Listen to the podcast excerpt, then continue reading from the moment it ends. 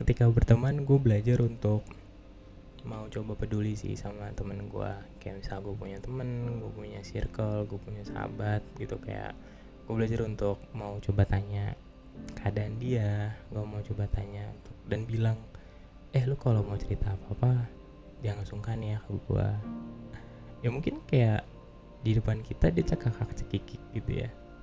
dia ngerasa kayak orang yang jadi nggak jadi orang yang paling nggak punya beban dalam hidupnya. Tapi kalau misalkan kita nggak pernah tahu tentang dia mungkin aja dia lagi ada beban gitu dalam hidupnya. Mungkin dia punya masalah sama keluarganya mungkin dia lagi struggling sama kerjaannya mungkin dia lagi galau karena satu dua hal lainnya gitu kan. Menurut gue sayang aja sih kalau misalkan kita berteman kita bersahabat tapi kita nggak pernah check up atau follow up ke seseorang yang terdekat kita dan tahu apa sih yang sebenarnya terjadi dalam diri dari diri mereka gitu. Karena sebenarnya itu sih tugas jadi berteman tugas berteman tuh itu sama-sama saling jadi support system sama-sama saling menyupport